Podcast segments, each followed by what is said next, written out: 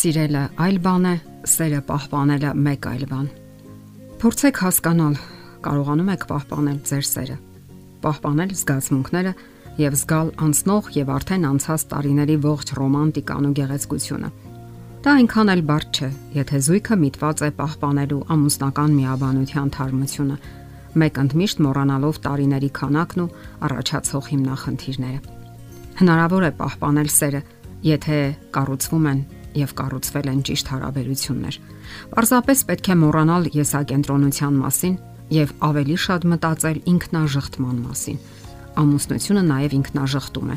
որովհետեւ դուք կամավոր համաձայնել եք զոհաբերել ձեր ազատության մի հսկայական մասը։ Զոհաբերել եք այն հանուն ընտանիքի։ Կողակից զավակներ։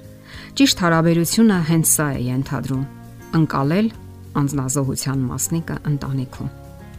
սեր ստանալու միակ ճանապարհն այն է, որ ինքներդ պետք է տակ։ Հարկավոր է սովորել այն տալու արվեստը։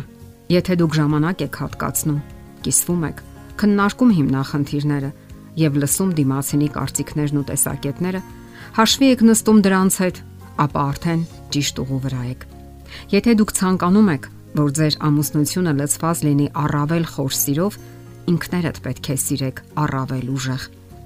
Փոխանակ դիմացինից սпасելու ձեր հանդեպ նմանատիպ սիրո դրսևորումներ կանոն դարձրեք նախաձեռնող լինել այդ հարցում։ Մտածեք ձեր ամուսնու պահանջմունքների մասին եւ սկսեք ապրել դրանով հենց այսօրվանից, այս պահից։ Ինչն է պատճառը, որ ամուսինները չեն կարողանում շփվել։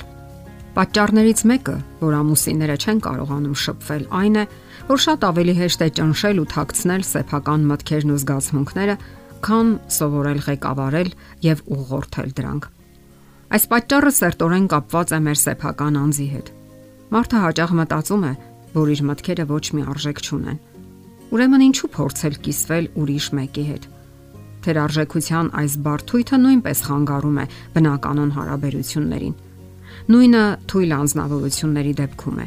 Նրանք գիտեն, որ իրենք պարտվելու են վեճի մեջ եւ դրա համար էլ գերադասում են նահանջել այլ ոչ թե ցավ ապրել։ Պատահում է իհարկե, որ զույգը փորձում է հարթել խնդիրները։ Երկար պայքարում է, սակայն հաջողության չի հասնում։ Շփումը կամ տարաձայնությունը ավարտվում է հիասթափությամբ կամ կողմերից մեկի պարտությամբ։ Սակայն շեշտենք, որ մի կողմի պարտություն գոյություն չունի։ Նման դեպքերում երկուսն էլ պարտվում են, որովհետև ամուսնական կյանքը մարտադաշտ չէ, որ ամեն մեկը անպայման հաղթի Նման դեպքերում կողմերը ավելի շուտ հիասթափություն են ապրում եւ լավագույն դեպքում վերստին փորձում են կարգավորել շփումները, ինչը միայն գովեստի է արժանի։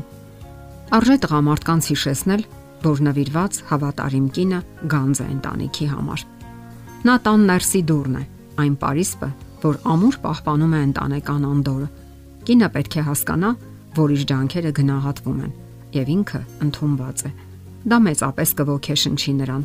լրացուցիչ ուժեր կպարգևի եւ կխթանի նորանոր սխրանքներ գործելու։ Նշանավոր գրող Բալզակը գրում է.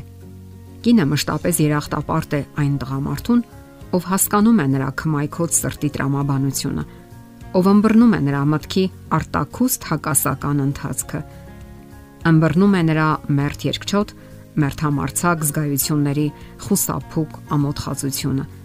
վճրանքի ու միամտության այդ զարմանալի խառնուրդը։ Կնոջը բնորոշ են առանձնահատկություններ, որոնք պարզապես հարկավոր է հասկանալ տարիների ընթացքում, նաև ընդունել։ Օրինակ, կինը վիճահարույց խնդիրների ժամանակ կարող է արագ արձագանքել գրգռիչին, եւ տղամարդը պետք է ժամանակ հատկացնի ողրզելու, թե ինչն է եղել գրգռման պատճառը։ Նմանատիպ հակազդեցություն հաճախ կարող են դրսևորել նաև տղամարդիկ, արագ արձագանքելով հարցին, Նման դեպքերում իհարկե երկկողմանի համբերություն է պետք։ Սակայն չէ որ ընտանեկան կյանքը հենց համբերության դպրոց է։ Ներողամտությունը եւս կանանց հատուկ որակ է։ Նրանք կարողանում են ներել, հատկապես երբ սիրում են, նրանց ներողամտությունը սահման չունի։ Հասկանալի է, որ ամուսնական միությունը անհնար է պատկերացնել առանց միմյանց ներելու։ Անկատար եւ սխալական մարդու կյանքում միշտ էլ կլինեն սխալներ եւ վրիպումներ։ Ամուսնությունը հաճախ անվանում են ներելու արվեստ, եւ դա բնականաբար պետք է լինի երկկողմանի։ Հաղորդումն ավարտվենք Չեխովի անվանակոչություն պատմվածքի հերոսի մտորումներով։ Իսկ ինչ կլինի, եթե ես իսկապես մեռնեմ, մտածեց Օլգա Միխայելովնան, նայելով ամուսնուն։ Լուսամուտների ապակիներին, որոնց ծեծում էր անձրևը։ Նա ինչպես պետք է ապրի առանց ինձ։ Ում հետ պետք է թեյ խմի, ում հետ ճաշի, երեկոները խոսի ու քնի։ Եվ ամուսինը նրան թված փոքրիկ ու որփացած։ Նա խղճաց ամուսնուն եւ ցանկություն ունեցավ մի որևէ հաճելի սիրալիր մխիթարական բան ասել նրան Նա հիշեց, թե ինչպես Գառնանը ամուսինն ուզում էր որսի շներ գնել եւ ինչպես ինքը գտնելով, որ որսը դաժան ու վտանգավոր զբաղմունք է, խանգարեց նրան։ Պյոտր, որսի շներ գնիր քեզ համար, տանքալով ասաց նա։ Ամբռնողություն, կարեկցանք, ներում եւ իհարկե սեր։ Ահա հարաբերությունների ճիշտ արվեստը, որը մատչելի է թե տղամարդկանց եւ թե կանանց։ Եթերում ընտանիք հաղորդաշարներ։ Ձեզ հետ է Գեղեցիկ Մարտիրոսյանը։ Հարցերի եւ առաջարկությունների դեպքում զանգահարեք 094 08 2093 հեռախոսահամարով։ Հետևեք մեզ hopmedia.am հասցեով։